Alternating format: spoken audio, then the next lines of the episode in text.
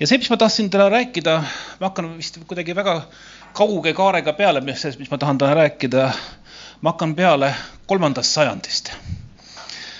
nimelt äh, tegin ma just Pereraadios ühe saate äh, äh, Tassius Cecilius Cyprianusest ja ta oli siis üks kirikuisa. see raamat on välja antud kolmekümnendate lõpus Johannes Hiiemetsa poolt ja ta kirjeldab siis ühte kirikuisa kui me Jannikiga käisime ülikoolis, siis me õppisime ka patristikat, mäletad seda õpet, patristika õpetajat, kes õpetas, õpetas meile kõike peale muud, muud peale patristika õpetas ta meile. ma ei mäleta, üks naljakas vana, naljakas vanahärra oli seal. ma olen nime unustanud juba, igal juhul. aga jah, selles mõttes meie kirikute isa õpe, õpe jäi suhteliselt äh, hõredaks seal. ja, aga ma, ma siiski tahaks täna rääkida. see lont ei seisa üldse püsti siin. no vot peaks, aga ei ole. ma ei hakka siin teda lahti ragistama praegu, siis peab pistik lahti võtma, et talle siia panna. aga Küprianus oli siis kirikuisa kolmandal sajandil ja võib-olla isegi tasub mõelda selle peale, et missugune oli kirikuelu kolmandal sajandil. et eh, ta oli natuke erinev kui meil täna ja kõigepealt ka selle poolest, eks ole, et eh, kristlased olid sel hetkel veel tunnustamata eh, usulise liikumisena neid tabasid korduvad ja korduvad tagakiusamised. ja võib-olla kui mõelda üldse kogu siis äh, niisuguse kristliku olemuse peale, siis neil polnud ühte asja, mida meil täna on. ja ma ei mõtle mikrofoni. mis asi see oli, mida, mis meil on täitsa igapäevane osa meie usuelust, mida neil ei olnud? piibel just nimelt ja iPhone ka, iPhone'i neil ei olnud. Aga aga piibel pannakse kokku alles Nikaia ja Kartaago kirikukogul neljanda sajandi lõpul. nii et tolle aja kristlased pidid leppima siis väga erinevate käsikirjadega, mis ringi liiguvad, mida siis loeti pühapäeviti kirikus ette. ja selles mõttes see, see kirikus piibli ette lugemine on tegelikult väga noh, selline õige ja ajalooline asi, sest piibel ongi ju kirjutatud ettelugemiseks et see, et lihtsalt meie seda ise loeme oma, oma iPhone'ist või, või, või, või paberkandjalt, eks ole, et see on selline moodne nähtus juba. aga tol ajal seda siis kõike loeti ette ja iga pühapäeval siis loeti erinevaid pühi tekste kirikus ette. mõned neist hiljem satuvad piiblisse, meie siis äh, kanoonilisse Uude Testamenti, mõned ei satu. ja alles siis jah, neljanda sajandid keskel ja teises pooles arutada, vabandust, viienda sajandi isegi jah, teises pooles arutataksegi neid siis, et millised piibliraamatud sinna panna. ma vist olen sellest rääkinud teile, aga siis, aga arutluse aluseks on siis kõigepealt see, et, et kas on teada autor. kui autor oli teada, siis arutati, et kas see on kooskõlas muu pühakirjaga. ja kui ta seda oli, siis arutati kolmandat, et kas selle sees on püha vaimu vägi. vaat kuidas nad seda mõõtsid, mina ei tea aga nad mõõtsid seda, et selles tekstis pidi olema äh, püha vaimu vägi sees. ja siis pandigi kokku see niisugune noh, alguses Nikaia ja hiljem Kartaago kiriku kogul. ja nüüd, miks ma tast üldse räägin, on siis see, et, et, et Küprianus oli tuntud kirikuisa, ta aitas, ta oli äh, Kartaago äh, kiriku, vabandust, Kartaago linna ja Kartaago ala piiskop ja on hämmastav, et ta noore mehena, ta oli ta sündis kusagil, siin raamatu taga ütleb kakssada, vist tänapäeval öeldakse, et kakssada kümme pigem, et ta saab suht noore mehena, tuleb ta kirikusse, noh, alguses, ta on pärit ühest suhteliselt jõukast Põhja-Aafrika perekonnast. ta tuleb kirikusse ja juba kahe aastaga saab tast diakon ja kui ma õieti mäletan, siis nelja aasta pärast saab ta, valitakse ta juba Kartaago eh, piiskopiks. nii et ta oli siis niisuguseks kõrgeks kirikuisaks valitud. ja ta läheb läbi, ta peab, võitlema väga erinevate asjadega, kirikul on nii sisemised vaenlased kui ka välised vaenlased. sisemised vaenlased on erinevad õpetused, mis, mis püüavad kirikusse tungida, erinevad valeõpetused, võib-olla noh, et kõige tuntumad olid gnostikud. et ei tasu segi ajada agnostikuid ja gnostikuid, et gnostikud olid siis need, kes, kes olid niisugused tugevad dualistliku maailma õpetajad, kõik vaimne on hea, kõik lihalik on paha väga lihtne vahe, kõik jumal hea, kurat paha, kõik maailm on noh, kas pluss või miinus, valgus või pimedus ähm,. muidugi olid seal ka igasugused muud liikumised äh,. Äh, natsareenlased, kes ütlesid, et Kristus on teine, teine Mooses ja üritasid kõiki siis kristlasi muuta juutideks montanistid, kes, kelle, kelle juht Montanus ütles, et tema ongi see Jeesuse poolt tõotatud trööstija ja, ja nii edasi. ja muidugi välisvaenlane, ehk siis olid jätkuvad tagakiusud Rooma riigi poolt, noore, väiksemad ehk siis niisugused kohalikud tagakiusud, suuremad üleriiklikud tagakiusud, mõned karmimad, mõned vähem karmimad. noh, nagu kui keegi mäletab keiser Nero, kellele võib-olla vihjatakse ilmutusraamatus selle numbri, kuulsa numbri kuus, kuus, kuue all, see äh, oli siis see, kes näiteks oli sihuke tore lõbus mees, et ta korraldas aiapidusid ja siis pani tõrvikutes kristlased põlema oma aias. ja siis selle all said, said siis äh, rikkad roomlased trallitada ja lustida seal siis all. või siis, eks ole, heideti neid, neid äh, metsloomade kätte äh, kusagil kolosseumites lõhki rebimiseks, amfiteatrites ja nii edasi või lihtsalt lasti, lasti neid äh, gladiaatoritel tappa ja hukata. Ja võib-olla isegi on väärt, et enne kui ma, enne kui ma jõuan Küprianuse sissejuhatuse juurest meie põhiteemani, ma mõtlesin, et ma loen ette siit raamatust paar lõiku. Kõigepealt lehekülg sada kolm. Kirjeldab siis seda, kuidas Küprianus siis ühel äh, tagakiusu ajal äh, siis Rooma võimud võtavad ta ette. ja ma loen ühe väikse lõigu siit, võib-olla on seda, see hea kuulata. järgmisel hommikul viidi ta jällegi prokonsuli villasse, mille ette oli kogunenud rahvamurd. ja varsti, varsti algaski arutlus aatriumis ja prokonsul Galerius Maximus küsis Küprianuselt. muideks see tekst on otseselt säilinud Rooma dokumentides, see ülekuulamise tekst, nii et see on enam-vähem autentne ülekuulamise tekst. Kas oled sina Tassius Küprianus? Küprianus, jah, olen. Galerius Maximus, kas olid jumalapõlgliku meelega inimeste isaks? Küprianus vastas jah Galerius ütleb, pühimad keisrlikud majesteedid, sellel ajal oli nimelt Roomal oli kaks, kaks keisrit, on käskinud, et sa ohverdaksid. Küprianus, ma ei tee seda mitte. Galerius, mõtle, mis on sulle parem, Küprianus, tee, mis sul on kästud teha. Äh, vabandust, Küprianus vastab, tee, mis sul on kästud teha. niisuguse õige asja juures pole mul tarvis mõtelda. ja siis kuulutaks välja kohtuotsus sa oled kaua aega elanud jumala kartmatus meeles ning kuritahtliku vandeseltsina kogunud palju inimesi enese ümber. sa oled ennast avaldanud Rooma jumalate ja püha religiooni vaenlasena. Vagad ja pühitsetud keisrid Valerianus ja Gallienus ei ole sind suutnud tuua tagasi Rooma riigiusu tseremooniate juurde. sellepärast, kuna sa oled osutunud põlastusväärse kuritegevuse algatajaks ja juhtijaks, pead sa saama hirmutavaks eeskujuks oma jumalatuse kaaslastele sinu vere läbi peab saama kinnitatud kord. ja seejärel luges prokonsul lõppotsuse. Tassius Küprianus tuleb hukata mõõgaga. Deokraatias. Jumalale tänu oli kõik, mis selle peale kostis Küprianus. küll aga avaldas rahva hulka hardus. kõlasid kaebed, nuuksumine, paljud ei suutnud hoiduda hüüdmast, ka meie tahame surra ühes temaga otsus pidi kohe täide viidama.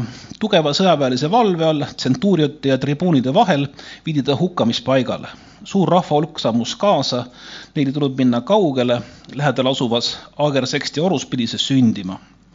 Kohale jõudes vabastas Küpeanus ennast üleriietest ning põivitas palveks.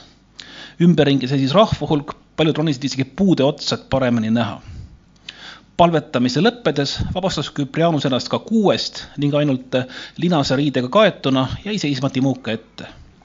tehes lähedal asuvatele omastele korralduse maksta Timukale kakskümmend viis kuldraha selle eest, et ta teda aitab teekonnal igavikku, köitis ta kahe sõbra abil oma silmad kinni siis aga, nagu teatab Pontius, kiirustas ta kõhklevat timukat ning kummardades võttis vastu löögi. nõnda langes pea, mis oli ikka kindlalt ja julgelt seisnud kõikides võitlustes. nii et mis me siis sellest kohast õpime, kui sind hukkamisele viiakse, siis ära unusta Timukale maksta, eks ole. ja kakskümmend viis kuldraha, ega see ei olnud väike, see ei olnud väike summa aga jah, et ta sureb väga vapralt, aga nüüd, kui me jõuame üldse tänase teema juurde, siis ma tahtsin lugeda ühte Küprianuse mõtet. ja just siis, kui tagakiusud ja vastuolud olid piitsutanud meeled ärevaks, võttis Küprianus jällegi sule kätte, et isalikel sõnul manitseda rahule ägestunuid. ta kirjutas töö vihast ja kadedusest, kus ta näitas, et sellised tunded kui kuradi kiusatused tuleb suruda maha. ja ta kirjutab niimoodi. Kui vaenlane tahab kedagi vallutada, siis kasutab ta selleks mitmesuguseid relvi, millest tähtsamaks on viha ja kadedus. kadeduse isa ja esimene ohver ühtlasi on saatan ise. kadedus viis Kaini mõrvani kadedus ja vihkamine sündisid Eesavit asuma sõjajalale Jaakobiga. kadeduses kiusas Saul Taavetit, kadedus ja viha sundisid juute Kristust risti lööma. Jäägu vihkamine eemale kristlase südamest, kus peab leidma ainult armastust ja püüet kõigele head teha.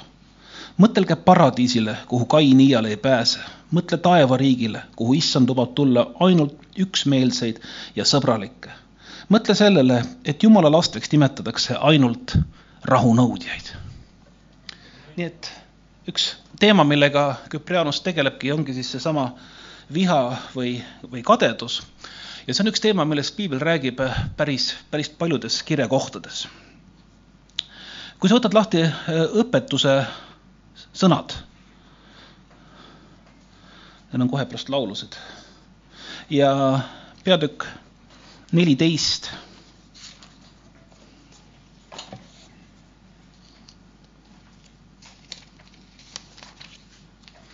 meil on siin vastupidi, et Janek paneb prillid ette, kui mina pean prillid eest ära võtma, kui ma loen.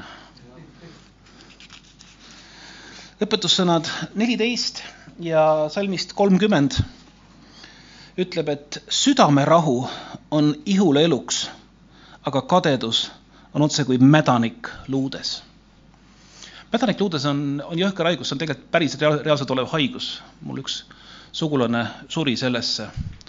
Ja noh, ma ei, ma ei tea, mis, mis temal seda kõike põhjustas, aga piibel hoiatab, et see on nagu, nagu võrdluspilt, et nõnda nagu mädanik ihus või, või luudes tapab sind aeglaselt, nõnda kadedus tapab inimese aeglaselt. See on igatsus, et ma tahan midagi enamat, kui mul on, ma tahan seda, mis on minu naabril, ma tahan seda, mis on minu äh, ma ei tea, sõbral, ma tahan seda, mida ma näen, ma ei tea, kuskil Kroonika ajakirja eh, fotode peal, ma tahan ka seda, ma tahan rohkem, ma tahan rohkem, ma tahan veelgi rohkem. tegelikult ju lausa Uues Testamendis on räägitud eh, rahaahnusest, mis on, mis viib hukatusse. ja nõnda on ka just see kadedus ja kadedus ei ole tingimata ainult ju, me vaatame seda hiljem lähemalt, aga kadedus pole tingimata ainult äh, midagi äh, sellist füüsilist kadedust, et ma tahan rohkem raha või rohkem asju või suuremat maja või, või uhkemat autot, see võib olla kadedus ka. Ma tahaksin saada kuulsaks, ma tahaksin saada, et kõik mind armastaksid, ma tahaksin olla tuntud, ma tahaksin olla võib-olla isegi täitsa vaimulik kadedus võib olla, ma tahaks olla sama hea jutustaja kui, kui Janek näiteks. või me kõik kadestame teda selles, aga äh, ja nojah ma tahaksin äh, olla mis iganes, eks ole, ma tahaksin olla apostel ja prohvet ja jutu. jah. tahaks olla igas, nagu öeldakse, et tahaks olla igas pulmas pruut ja igas, igas matusel kadu, kadunukene. eks ole. et eh, tahaks ikka igal pool olla selle tähelepanu, tähelepanu keskel ja ma tahaks seda rohkem ja rohkem ja miks ometi ei märgata äh, Mati Nuude laulis kunagi, et miks, miks pole mind märgatud ja lava peale torgatud. et äh, miks pole märgat-, miks mind ei märgata, miks ei anta mulle seda au, mida ma väärt olen? ja vana hea koguja, koguja raamat, no koguja on kuulus oma ülimalt optimistliku ellusuhtumise poolest, eks ole, kes on seda lugenud. ja koguja neli, neli ütleb, et ja ma nägin, et kõik vaev ja kõik saavutused töös johtuvad ainult inimese kadedusest ligimese vastu. seegi on mis asi? tühi töö ja vaimu närimine. et kadedus, see on midagi, mis on juba jah, kui me vaatame siin, kui, kuna Küprianus mainib juba, et kadedus tabas juba Aadama esimesi järeltulijaid Kain ja Aabel, see on, see on selline kuulus lugu ju sellest, ma ei hakka seda praegu keerama, aga, aga see on kuulus lugu sellest, et kui, kus üks pakkus Jumalale öö, äh, oma kätetööd ja teine ohverdas äh, noh, see on nüüd väga, väga, väga pikk lugu, et seda hakata algusest peale rääkima, aga ühe ohver oli Jumalale meelepärane, teise oma ei olnud. üks, see, kus, see, kes pakkus oma kätetööd ja saavutusi, ei olnud Jumalale meelepärane, sellest tekkis tal kadedus teise vastu ja ta tappis oma venna ähm,. ma ei tea, kas see on võib-olla üllatus, aga, aga tead, ükskõik kui tubli sa oled, sa ei avalda Jumala sellega muljet. oled sa mõelnud selle peale? Vahel me mõtleme, et oo, et kui ma oleksin hästi tubli järgmine nädal, teeksin häid tegusid, käiksin, ma ei tea, käiksin jooksmas ja, ja, ja, ja oleksin inimeste vastu viisakas ja ei lööks oma koera jalaga ja, ja, ja, ja ma ei tea, ühesõnaga mina mäletan seda tunnet selles mõttes, et ähm, ma olen seda rääkinud, et tuhat üheksasada kaheksakümmend kaheksa lõpul, võib-olla isegi kaheksakümmend üheksa ka veel juba kaheksakümne kaheksa lõpul, ma mäletan, ma käisin Oleviste kirikus ja seal kutsuti ikka ette äh, päästjale, vot Lehol, eks ole, oli, oli see, kus Leho on? aa, see on seal taga, Lehol oli hea, tal oli Katrin, kes talle ette lükkas, aga mul ei olnud kedagi, ma olin üksinda seal, istusin seal tagareas suure posti taga peidus. ja siis, kui ette kutsuti, siis ma, ma iga kord mõtlesin FATA koosolekutel, et järgmine nädal või noh, millal see oli, see oli vist üle, üle, see vist iga kuu oli korra või ma ei mäleta, järgmine kord, siis ma olen vähem suitsetanud, siis ma olen palju tublim olnud siis ma olen äkki meie isa palvet lugenud. no mida iganes me välja mõtleme, et olla, et me kujutame ette, see avaldab Jumalale muljet. ma, ma olen sellest rääkinud, aga ma mäletan, et mul oli kunagi keskkooli ajal oli mul üks tõsine mure ja, ja ma tegelikult tollal mõtlesin juba Jumala peale ja siis mõtlesin, et lubasin, et Jumal, et kui see asi laheneb, siis ma panen, korjan, lähen Jaani kirikusse, panen korjanduskarpi raha ja kui, päris aus olla, asi tegelikult laheneski lõpuks. võib-olla teistmoodi, kui mina mõtlesin, aga ta lahenes. kas ma, kas ma, kas ma, kas ma käisingi Jaani kirikus raha panemas? ei käinud. mäletate seda Juhan Liivi lugu? ma nüüd vabandan, eks ole, et kirikus ma vannun, aga tsiteerides teksti, üks ütleb teistele, et, et mis see oli, Jaan või Juhan? Jaak, Jaak, kurat, jalad põhjas ja pärast seda sa, sa sai nendest lubadustest kirikusse kroonlühter panna, siis et noh, küünal, küünal käib ka ju et see on ikka inimese puhul niimoodi, et me mõtle, kujutame ette, et me oma tegudega äratame Jumalale muljet ja, ja, ja, ja, ja Jumal noh, peab ju ometi nägema, kui tubli ja kui eriline ma olen. aga see tegelikult Jumalale see muljet ei avalda absoluutselt, sest et Jumal võtab sind vastu täpselt sellisena, nagu sa oled. ta võtab sind täna vastu just sellisena, nagu sa oled. Jumal tahab sinuga kohtuda just nii, nagu sa oled ja tegelikult, kui jumal, jumal ka teab sinu probleeme, sinu nõrkusi ja ta ütleb, et las, anna minu kätte need, ma tegelen nendega. las mina tegelen nendega. las mina ehitan sind ümber. ma tahan sellest sinu hütist teha paleed. ja võib-olla, kui, kui me tuleme nüüd Uue Testamendi juurde, siis lähme Markuse äh, seitsmendasse peatükki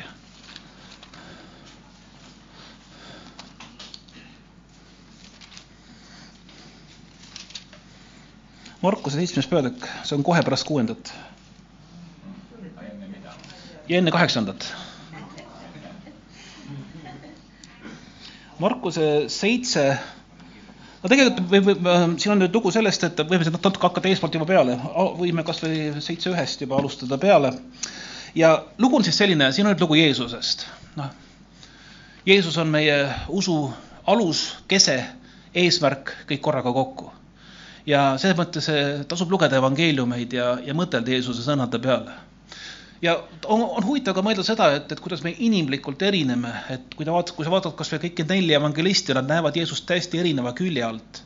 ja arvatavasti nad kõik neljakesi näevad teda võib-olla ebatäiuslikult, aga see on see ilmutus, mis on meile antud temast, neist kõigist, kõigilt neljalt kokku ja variserid ja mõned kirjatundjatest, kes olid tulnud Jeruusalemmast, kogunesid tema juurde ja nähes mõningaid tema jüngritest ebapühade, see on pesemata kätega leiba võtvat, sest variserid ükski juut ei söö enne, kui nad on hoolsasti käsi pesnud, niimoodi pidades esivanemate pärimust. ka turult tulles ei söö nad muidu, kui nad ennast enne pesevad ja palju muid asju, mida nad on ette võtnud pidada, nagu karikate ja kiviriistade ja vasknõude pesemised, küsisid tema variserid ja kirjatundjad miks sinu jüngrid ei ela vanemate pärimuse järele, miks nad söövad leiba ebapühade kätega?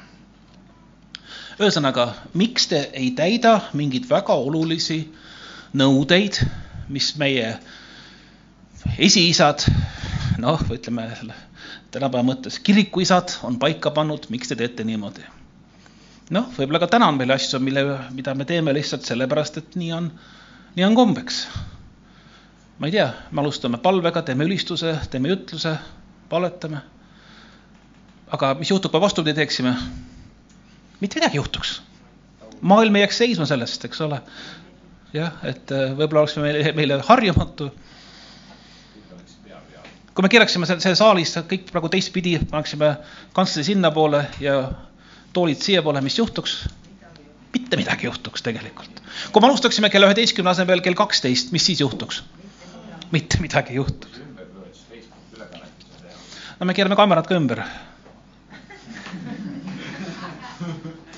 ehk siis me tegelikult oleme väga palju asju kiriku juures ju inimlikult paika pannud ja me ja ja probleem on see, kui me arvame, et ainult nii tohib ja kes teeb teisiti, noh, see teeb valesti. ja Jeesus vastabki selle peale, et jaa, see on, see on kõik väga tore, mis te räägite. ja ta ütlebki, et ilus küll. Te heidate salm üheksa. või noh, tegelikult võime lugeda vahepeal ka veel salmis kuus juba, kui jäime pooleli, aga ta ütles neile, Jesaja on hästi silmakirjatsetest ennustanud, nõnda nagu ta on kirjutanud. see rahvas austab mind huultega, kuid nende süda on minust kaugel. ilmaaegu nad teenivad mind, õpetades õpetusi, mis on inimeste käskimises, käskimised. sest hüljates Jumala käsu, te, te peate inimeste pärimust ja ta ütles, ilus küll, te heidate Jumala käsu kõrvale, et pidada oma pärimusi, siis ta toob siin ühe näite sellest. aga salm neliteist on see, kus ma tahtsin tegelikult jõuda. ja ta kutsus jälle kõik rahva enese juurde ning ütles neile, kuulge mind kõik ja mõistke. miski, mis läheb väljaspoolt inimeses, inimesest tema sisse, ei või teda rüvetada, aga mis läheb inimesest välja, see rüvetab inimest. see, kuidas sa, kuidas öelda inimest ei rüveta see, kui ta kirikus ei põlvita või põlvitab. inimest ei rüveta see, kas ta palvetab seistes, istudes või pikali või põlvili või kuidas iganes.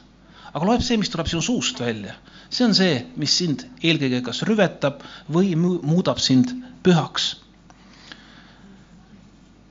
salm seitseteist ja kui ta rahva juurest oli läinud ühte majasse, küsisid ta jüngrid talt selle tähendamissõna kohta, et mis see tähendab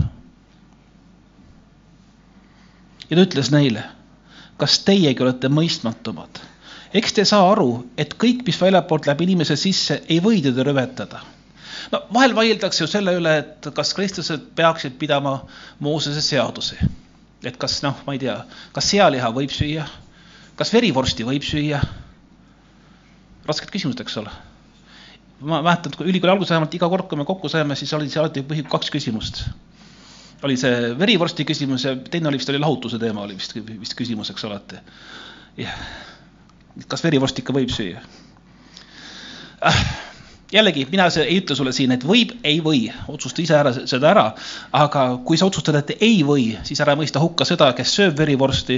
Ja kui sa otsustad, et võib süüa, ära mõista hukka seda, kes ütleb, et ei või verivorsti süüa siis võib verivorsti süüa okay..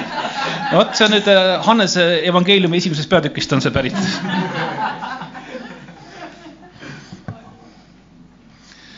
ähm, ja ta ütlebki, et sest see ei lähe mitte tema südamesse, vaid kõhtu. ja värv, ta ütleb väga viisakalt siin, ja väljub eri paika. Need Rooma eripaigad olid ju väga põnevad ja seal istuti sõbralikult koos aukude peal ja siis ulatati seda sellist, selle pulga otsas oli see käst, millega tagumikku pühiti, seda siis sõbralikult ulatati käest kätte, igaüks haris oma tagumiku puhtaks sellega, andis sõbra, sõbrale edasi selle. asi? jah, et vesi, vesi uhas alt ära, selle kipsi läks, aga just seda, jah, seda tagumiku puhastamise käest, seda anti siis sõbralikult käest kätte ja, ja seda. jah, no umbes jah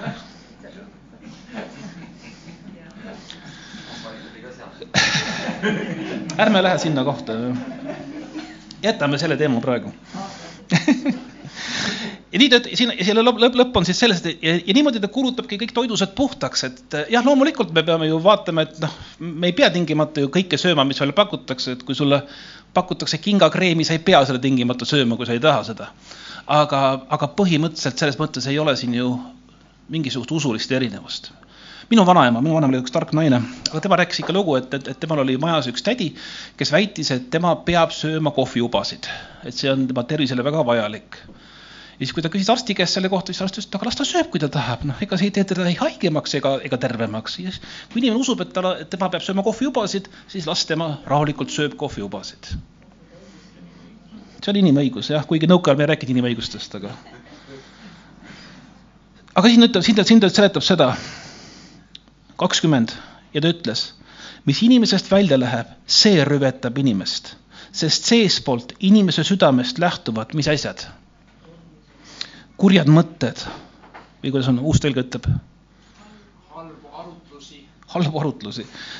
väga huvitav, kurjad mõtted kõlab kuidagi paremini. halbu arutlusi, hooramist, vargust ja tapmist, ütleb uus tõlge. Jah, noh, sama, samuti veel on vana. abielu rikkumised, ahnus jällegi, kurjus, kavalus, kiimalus, kade silm, jumala pilkamine, kõrkus ja rumalus kõik need pahad asjad lähtuvad seestpoolt ja rüvetavad inimest, nad tulevad seestpoolt väljapoole.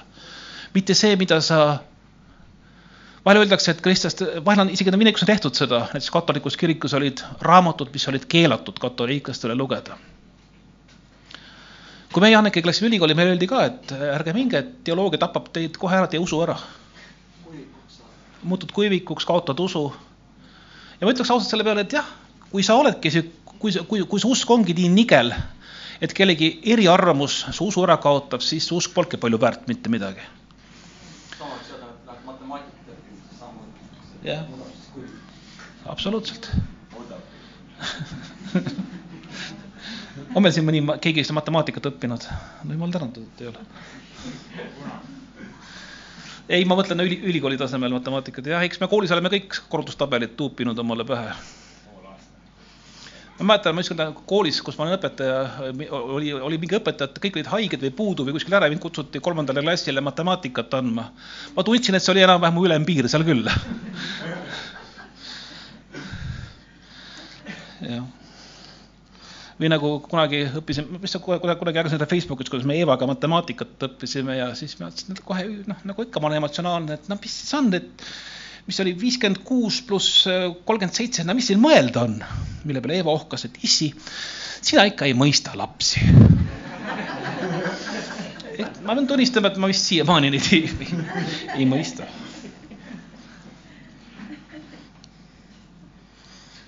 Ja kõik need pahad asjad lähtuvad meie seestpoolt väljapoole ja enamasti saavad nad ilmsiks meie sõnade kaudu ka samas see, see kadedus hakkab oma vilja kandma meie sõnade kaudu. me vaatame oma ligimest, oma, oma lähedast, oma naabrit, oma sõpra, töökaaslast või noh, kuidas on see eestikeelne eestlaste kohta käiv ütlus, et, et ikka lõikab nagu kreissaega, kui naabrimehel hästi läheb. Hommikupardist või? okei okay., ma ei teadnudki seda, vot siis et tõepoolest, et, et see kadedus on, on üks osa meie elust ja tegelikult kadedus tapab, kadedus paneb meid käituma ebaadekvaatselt. kadedus paneb meid ütlema ebaadekvaatseid sõnu, ta paneb meid käituma, ütlema, mõtlema täiesti ebaadekvaatselt ja, ja, ja koos sellega kaasneb alati ka kohtumõistmine. aga miks ta on, miks ta niisugune on? aga jumal, vaata, ma olen palju parem. Vaata jumal, mul ei ole seda probleemi, mis tal on ma olen palju, ma ei tea, mis iganes ma olen. ma olen targem, ilusam, mis iganes, püham, vaimulikum. ma oskan kõvema häälega laulda, ma hüüan kõvema häälega halleluuja. vastupidi ka, parem kadestada. halvem, halvem, koledam.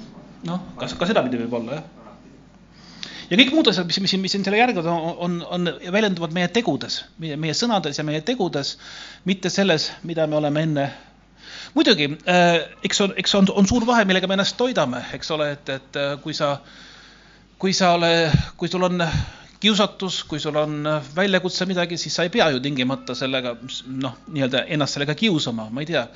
No joodik, võib-olla alkohoolik ei peaks tingimata viinapoe, poest käima ja need pudelid sealt jälitama ja vaatama võib-olla või, või, või noh, mis iganes, eks ole, Jeesus ütleb lausa, lausa seda ju, et, et kui sa vaatad naise peale teda himustades, oled sa temaga juba abielu rikkunud juba. nii et absoluutselt ei tohi jah, sina ära vaata, Janek. jah.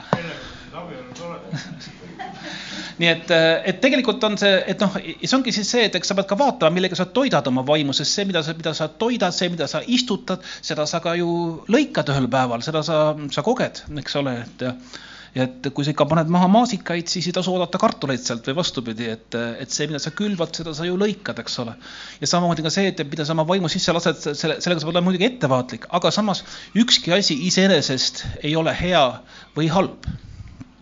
et äh, ajaloos on olnud ju erinevaid lugusid sellest, et kuidas on arutatud, et kas kristlane võib kohvi juua, kas kristlane võib alkoholi juua, kas kristlane võib jalgrattaga sõita äh,. mis? on.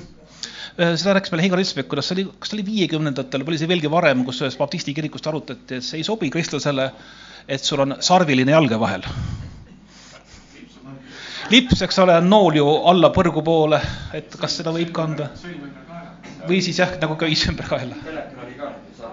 jah, telekas, telekas oli ka kahe sarvega olend. troll, trolliga ei tohi sõita. Eks ole, et noh, tegelikult me naerame nende üle, need on idiootsused, aga neid on kunagi tõsimeeli arutatud ju. noh, kuni, kuni selleni välja, et keskel arutati, et mitu kuradit mahub ühe nõela pea otsa.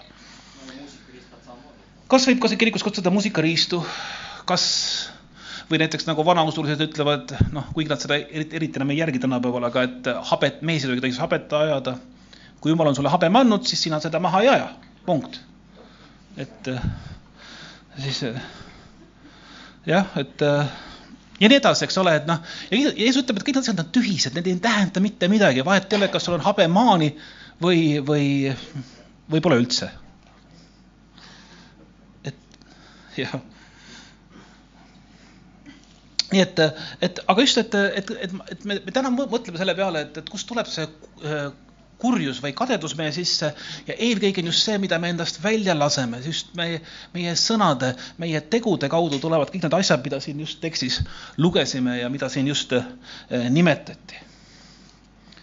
Äh, Rooma, kiri roomlastele, esimene peatükk. Ja vot nüüd ma ei teagi, siin on öeldud isegi niisugused laused, mida nüüd varsti vist saab vihakõne alla panna, aga, aga siin Rooma esimeses peatükis, noh, pärast pikka sissejuhatust salmist kaheksateist äh, kirjutab Paulus siis Rooma kristlastele. Ja tasub mõelda, et ta kirjutab Room, Rooma kristlastele, no see on sel hetkel, kui Paulus seda kirjutab, esimesel sajandil, teises pooles kuskil, see on ikkagi maailma kese tollel, tol hetkel on maailmas kaks suurt võimsat tsivilisatsiooni, on roomlaste tsivilisatsioon ja hiinlaste oma, aga kuna nad olid üksteist nii kaugel, siis nad omavahel praktiliselt vist kokku ei, ei puutunud. Aga, ja see on hetk, kus äh, Kristus on täiesti uus noor nähtus ja Rooma elanikud on need, kes on nüüd pealinna kristlased, kes elavad seal oma tagakiusu hirmus. Äh, aga ta, Paulus seletab teile seda maailma niimoodi, sest jumala viha saab ilmsiks taevast kõikide inimeste jumalatuse ja nende ülekohtu vastu, nende vastu, kes tõde ülekohtuga kinni peavad. sellepärast, et see, mida teatakse Jumalast ja ta ei mõtle mitte Rooma Jumalat siin, vaid ta mõtleb taeva ja maa loojat Jumalat, on avalik nende seas, sest Jumal on seda nendele avaldanud Paulus ütleb seda, et tegelikult inimesed oma südamepõhjas teavad, mis on õige ja mis on vale. ja võib-olla siin ühes teises kohas ta, siin räägitakse just sellest ka, et, et paganad oma südametunnistuse, tunnistuse alusel mõistetakse Jumalas õigeks või valeks. et vahet ei ole, kui sa oled ka kogu elu olnud moslem, aga teinud seda oma parima ja siirama Jumala tahtmise teenimisega. noh, mina ei saa seda nüüd öelda, et, et mis, mis siis saab, aga nende kirja kohta alusel ma võiks öelda, et Jumal näeb seda, mis on sinu sees mitte seda, mida sa ütled või teed mõnikord. noh, ma mõtlen äh, niisuguse väliseluna. sest tema nähtamatut olu ning tema igavest väge, kui jumalikku olemist nähakse, kui need pannakse tähele tema tegudest maailma loomisest alates. kui sa tahad Jumalat näha, siis sa näed tema äh, tegusid, tema toimimist, tema käitumist. ja kui sa ei taha seda näha, siis sa võidki öelda, et aga ma ei näe teda. ja siin ta siin ütlebki, et nii, et nad ei saagi vabandada, sest Jumalat tundes ei ole nad teda austanud või tänanud, vaid on oma mõtlemises saanud tühiseks ning nende mõistmatu süda on läinud pimedaks. Kiites ennast targaks, on nad saanud rumalaks psühholoogias on tehtud huvitavaid katseid, kus, äh, kus kutsutakse näiteks kümme inimest kokku, näidatakse neile kolm, noh näiteks kolm erineva pikkusega joont, millest üks on ilmselgelt teistest lühem. ja aga kokku on lepitud, et üheksa inimest ütlevad, et tegelikult see kõige lühem ei ole kõige lühem, vaid hoopis pikem on hoopis lühem. ja kui üheksa inimest ümber seda kindlalt sulle ütlevad, siis väga tihti see isik, see katseisik, kes ei teadnud, et tema, tema tegelikult on ainukene katseisik hakkabki ütlema, et nojah, et aga võib-olla siis tõesti, et äkki ma siis näengi valesti ja ja see ongi see, et, et me olemegi niisuguses maailmas, kes hakkab meile, kes rõhutab meile kogu aeg, et ebanormaalsus ongi normaalsus. ja et noh, kas sa loll oled või kuidas sa ei näe seda, kuidas sa aru ei saa, et see, et sa käid pühapäeval kirikus, on ju noh, üheksateist sajand või, või mis iganes, eks ole. see on, see on, see on eilne päev, see noh, see on see, et sa oled aus teiste keskel, see on ju sinu oma rumalus, nad ütlevad. see, et, et sa pead mingeid väärtusi oluliseks, see on hullemal juhul veel, nad ütlevad, see on vastupidi, see on kellegi vihkamine, see on mingi äh,, sa, sa oled ilmselt viha täis ühiskonna vastu. kui sa pole minuga nõus, järelikult sa vihkad mind. Nii lihtne see ongi. tegelikult ei ole see kaugeltki niimoodi no siin, siin ma ei hakka seda kõike võib-olla ette lugemagi, pealegi me oleme online'is ja meil on varsti vihakõneseadused ja varsti me ei tohigi seda Rooma kirja esimest peatükki lugeda kõva häälega üldse kirikus ette võib-olla. ja me Regina katkestab korraks ülekande ei, noh, on nagu on siin kahekümne viiendast, kuuendast, seitsmendast ta räägibki sellest, eks ole, homoseksuaalsuse teemast. Ja, aga homoseksuaalsus iseenesest pole hullem patt kui mõni teine patt, eks ole, kõik patt on jumala ees patt. Ähm, ma ei tea siis, et, et äh, homoseksuaalsus on osa, mida piibel ütleb, et see on vale. Ja, ja nii see on. aga samuti on vale ka valetamine, varastamine, petmine, kadedus, viha, nad kõik ühtemoodi eralduvad ennast Jumalast, et me ei saa öelda ja me ei saa öelda sellega, et, et selle kirjaga alusel me vihkame äh, homosid, ei vihka, kõik homod on meie kirikust teletulnud see ei tähenda, samamoodi on meie kirikust teretulnud kõik, kõik need, kes on alkoholiga probleemis. meil on teretulnud kõik need, kes on, ma ei tea, muretsemisega hädas. ka muretsemine, ütleb piibel, et on patt, ilmselgelt ju. see ei tähenda, et meie kirikusse saab tulla ainult see, kellel pole ühtegi pattu. kõik inimesed on teretulnud kirikusse, me kõik oleme. Aga see ei tähenda seda, et me seda vihkame, seda, kes tuleb kirikusse alkoholiprobleemiga. see ei tähenda, et me vihkame seda, kes tuleb narkoprobleemiga, kes tuleb, ma ei tea, varastamise, kleptomaania probleemiga me ei vihka neid inimesi, me armastame neid inimesi. see ei tähenda, et me peame heaks kiitma nende eluviisi. see ei tähenda, et me julgustame neid jätkamast, mine varasta rohkem, jumal armastab sind. me ei ütle niimoodi. me, me räägime sellest, mis asi on meeleparandus. Me räägime sellest, et ilma meeleparanduseta ei ole pattude andeks saamist, see on jumala poolt niimoodi paika pandud, see nii jääb. jaa aga see ei tähenda, et me vihkame ühtegi inimest, ühtegi patust või nii nagu Jumal ei vihka ühtegi patust. hullem veel, kui sa mõtled kõige, ma ei tea, kõige jubedamale, ma ei tea, kodutule alkohoolikule, keda sa näed tänaval haisemas, tead, Jumal armastab teda sama palju kui sind. nii šokeeriv, kui see ka ei ole. Jumal ei mõista teda hukka, Jumal armastab teda. Ta ei ole võib-olla suuteline enam Jumala armastust kogema või vastu võtma ja võib-olla me, võib-olla on ka inimesi, keda me ei saagi enam aidata. alati ju küsitakse, et aga mis saab, ma ei tea, Hitlerist, Stalinist, Mao Zedongist, mis neist saab? jumalal pole endaga probleemi, pigem öeldakse seda, et põrguuks on lukus seestpoolt. ja kui sa oled ühel hetkel põletanud enda sees selle võime meele, meeleparanduseks, siis sa lihtsalt pole selleks enam suuteline. aga Jumala, Jumal on sinu jaoks alati, alati avatud. iseasi, kas sa suudad teda enam, tema poole pöörduda, see on see vahe. nii et siin ta räägib kadedusest ja vihast, mis on maailmas. aga hullem veel, äh, järgmises kirjakohas, teine Korintuse äh, kaksteist kakskümmend, räägib ta ka sellest, et see on sama häda on ka ju koguduses ju. Äh, teine Korintuse kaksteist no ütleme, hakkame salmist üheksateist peale Te mõtlete ammugi, et me kostame eneste eest teie ees, me räägime Kristuses Jumala ees, aga kõik armsad vennad ikka teie ehitamiseks sest ma kardan, et kui ma tulen teie juurde, ma ei leia teid niisugustena, nagu ma tahan ja teie leiate mind jälle seesugusena, nagu teie ei taha. ma kardan, et teie seast on vahest on, vahest on riidu, kadedust, viha, jonni, laimamisi, keele kandmist, hooplemist, korratust. kas uustõlge ütleb samuti? No enam-vähem jah. korralagedust jah, või noh, korratus ja korralagedus on sama, sama vist või? Bardak et äh, need on asjad, mis tahavad ikka pugeda meile kogudusse sisse, täpselt nagu Küprianos siin alguses ütles seda, et, et kui vaenlane tahab meid rünnata, ta kasutab selleks kõiki relvi. ta tuleb ja eelkõige üritab meid äh, tülli ajada, kadest, kadedaks teha üksteise peale, panna üksteisele kohut mõistma, panna meid tundma, et aga ma olen tegelikult ikka palju parem kui tema.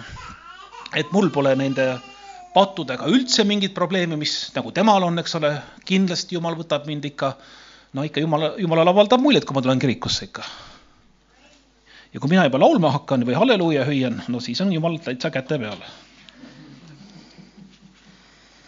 ja ta ütlebki, et aga sa võid siin ka kirikus ja ta hoiatab selle eest siin korintlasi. nii et äh, ähm, jah, ja lubage siin salmis kolmteist või Perkis kolmteist, et, et kolmandat korda ma tulen teie juurde, nii et eh, saame, saame, saame siis näha. salmist viis, kolmteist viis ütleb, katsuge ennast läbi, kas te olete usus, uurige iseennast. või te ehk ei tunne iseennast, et Jeesus Kristus on teie sees või ei ole te ehk kõlbulised nii et ähm, jah, see on juba teine jutus juba siin selles teemas, aga, aga, aga, aga Paulus ütleb, et see on sama asi on nii nagu maailmas, nii ka üritab see ka kirikusse tulla. Rooma kaksteist, üks ja kaks, eks ole, muutuge teiseks oma meele uuendamise teel, et uuriksite, mis on Jumala hea ja meelepärane ja täieline tahtmine. no võtame veel mõne kirjakoha. esimese Timoteose kiri. Timoteus oli ka noormees, kui ta kui ta sai omale vaimuliku ülesande, nii nagu ka Küprianus väga suhteliselt noore mehena sai, sai, sai diakoniks ja hiljem piiskopiks valitud. jah, ta sureb juba oma kusagil viiekümne aastasena märtri surma. aga esimese Timoteuse kuus ja salmist neli, hakkame salmist kolm peale kui keegi õpetab teisiti ega hoia meie issanda Jeesuse Kristuse tervete sõnade ja õpetuse poole, mis viib Jumala kartusele, siis on see iseennast täis ega saa aru millestki ning on haige oma küsimuste ja vaide, vaidlemiste poolest, millest tõuseb mida? kadedust, riidu, laindusi, kurje kahtlusi, alalisi tülitsusi inimeste vahel kelle mõistus on rikutud ja kellel on tõde käest läinud ja kes peavad Jumala kartust tuluallikaks.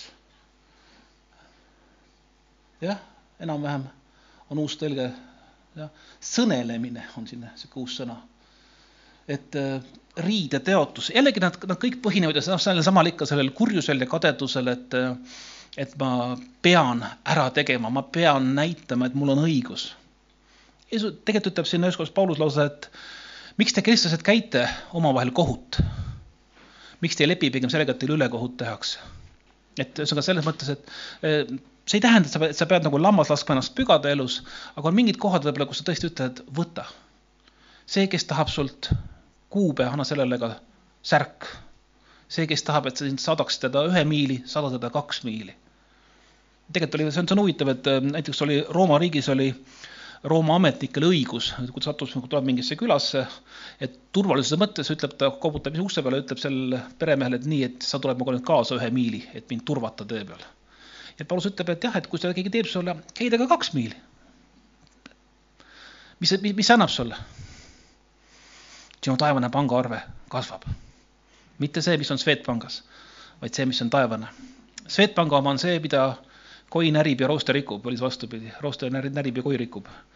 aga igatepidi, äh, kui sa, kui sa hoolega kuulad, siis sa kuuled, kuidas inflatsioon seda äh, krõmpsu, krõmpsutab seal vaikselt kogu aeg. jah, aga see, mis on seal taevas, seda inflatsiooni, sinna inflatsioon ei pääse. see on see, kuhu sa kogud omale ja ta ütleb ka seda, et, et kui sa, kui sa noh, ma tahan mõelda, et see on muidugi tasakaal, see ei tähenda seda, et sa pead oma lihtsalt ennast, isegi Küprianus, kes oli rikas mees, jagas oma, oma vara vaestele, aga mitte kõike, vaid et tal alati oli, mida anda nendele, kes tulid ta juurest abi saama.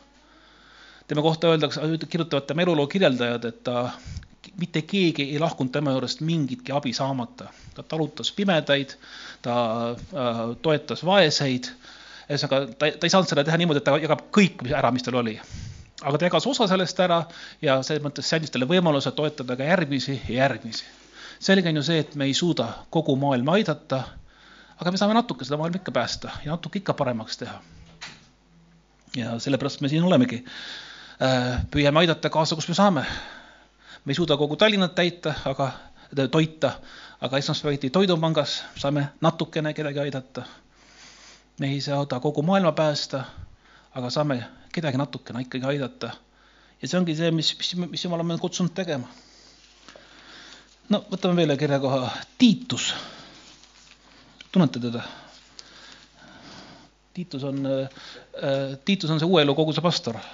okei okay,, ta on Tiit jah, Toots ei, ta on Tiit Toots. Tiitus Tootsus võiks olla, aga kui ta, kui ta, kui ta läks äh, jah, ladinamaale kuskile, siis ta oleks Tiitus Tootus, aga ta on Tiit Toots. ta on meil tore, tore, tore sõber ja hea vend. aga Tiituse kolmas peatükk, salmist kolm, ütleb Tiitus, ütleb Paulus Tiitusele niimoodi sest ka meie olime kord mõistmatumad, sõnakuulmatumad, eksijad, mitmesuguste himude ja lõbude orjad ning elasime milles? kurjuses ja kadeduses. me olime vihatavad ja vihkasime üksteist. ja ongi inimesi, kellele meeldibki nagu seda, et, et see, mul omal oli üks sugulane, kes muidu oli hästi tore mees, aga tema põhimõte oli selles, et kui sa ütlesid talle, et no ma ei tea, ütlesid talle, et Ford on hea auto, siis ta ütles, et noh, Ford on kõige hullem auto, mis üldse saab olemas olla. järgmine kord läks, ütlesid talle, ütlesid talle, et Mercedes on hea auto, ütles, et oi no ma olen ikka päris häid Forde näinud tegelikult, et, et noh. ühesõnaga, tema elu eesmärk oli kõiges, kõigele vastu vaielda ja tund-, tund-, tunnis ja kui, kui ta Paiduse võitis, siis sa nägid kohe, kuidas ta nägu säras ja ta tundis ennast, et ta päev on korda läinud, et ta sai kellelegi ära panna. ja ma ei, ja ma, ma ei mõtle seda pahas mõttes, ta oli tegelikult ju tore mees ja, ja kõiges muus, aga, aga temale kohe meeldis vaielda, ta kohe pidi vaidlema ja, ja kõigest tõestama, et teine pool eksib ja, ja temal on õigus alati. ja piibel hoiatab meid ka selle eest, et, et me, me ei pea otsima konflikti meil on nii lihtne kõike hukka mõista, igaühe juures vigu leida isegi meie valitsust saab, valitsuse juures võib leida mõne, mõne vea, kui keegi hoolega vaatab. aga noh, elame ka selle valitsuse üle. nagu kunagi, kunagi noh, me õpetajatena vaatame neid haridusministreid ja, ja siis kunagi oli üks väga hull haridusminister ja kõik mõtlesid, et ei saa enam hullemaks minna ja siis tuli Jürgen Ligi okei okay., ma ei taha isiklikult ootada, okei okay,, see, see oli nali. Jürgen, kui sa vaatad seda, anna andeks. ja ega meil praegugi midagi hõisata ei ole. andku Kallas, see Eesti kakssada, mitte Kaja, vaid äh, Kristiina Kallas, just. ega meil praegu ka hõisata ei ole. ei, ta ei olnud, ta ei olnud seda tüüpi mees, ei olnud muidugi vaidlusoskus on väga hea, kui sa oled näiteks advokaat ja sa pead äh, kohtu ees vaidlema, võib-olla siis sa peadki see ongi su and võib-olla, aga tema oli hoopis, hoopis teise ala mees, ta oli, ta oli üks parimaid mehaanikuid, keda ma tean ähm,.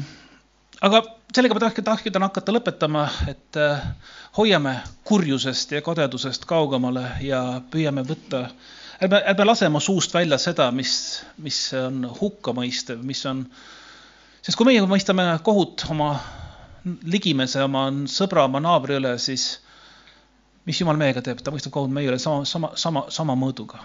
ja meie, kellel, kellel on andeks antud see kümme tuhat talenti, ei pea minema ja nõudma, nõudma oma ligimese käest seda, mis ta meile on võlgu oma, mis iganes summa see on, sest et me oleme saanud andeks kümme tuhat talenti, see oli noh, see oli nagu ütles, nagu keegi ütles, et see oli, see oli lihtsalt müstiline summa mis ilmselt ei kataks täna ilmselt noh, see oli niisugune summa, mis, mis, mis isegi ületaks täna Ameerika riigi, Ühendriikide aastaeelarve, see oli noh, ühesõnaga lihtsalt see oli noh, lambist võetud mingisugune sada miljardit, mida iganes, ma, ma, ma, mul aimugi, mis summad need on seal, aga noh, ühesõnaga niisugune müstiline summa, mida ükski inimene suudaks elu sees ära maksta.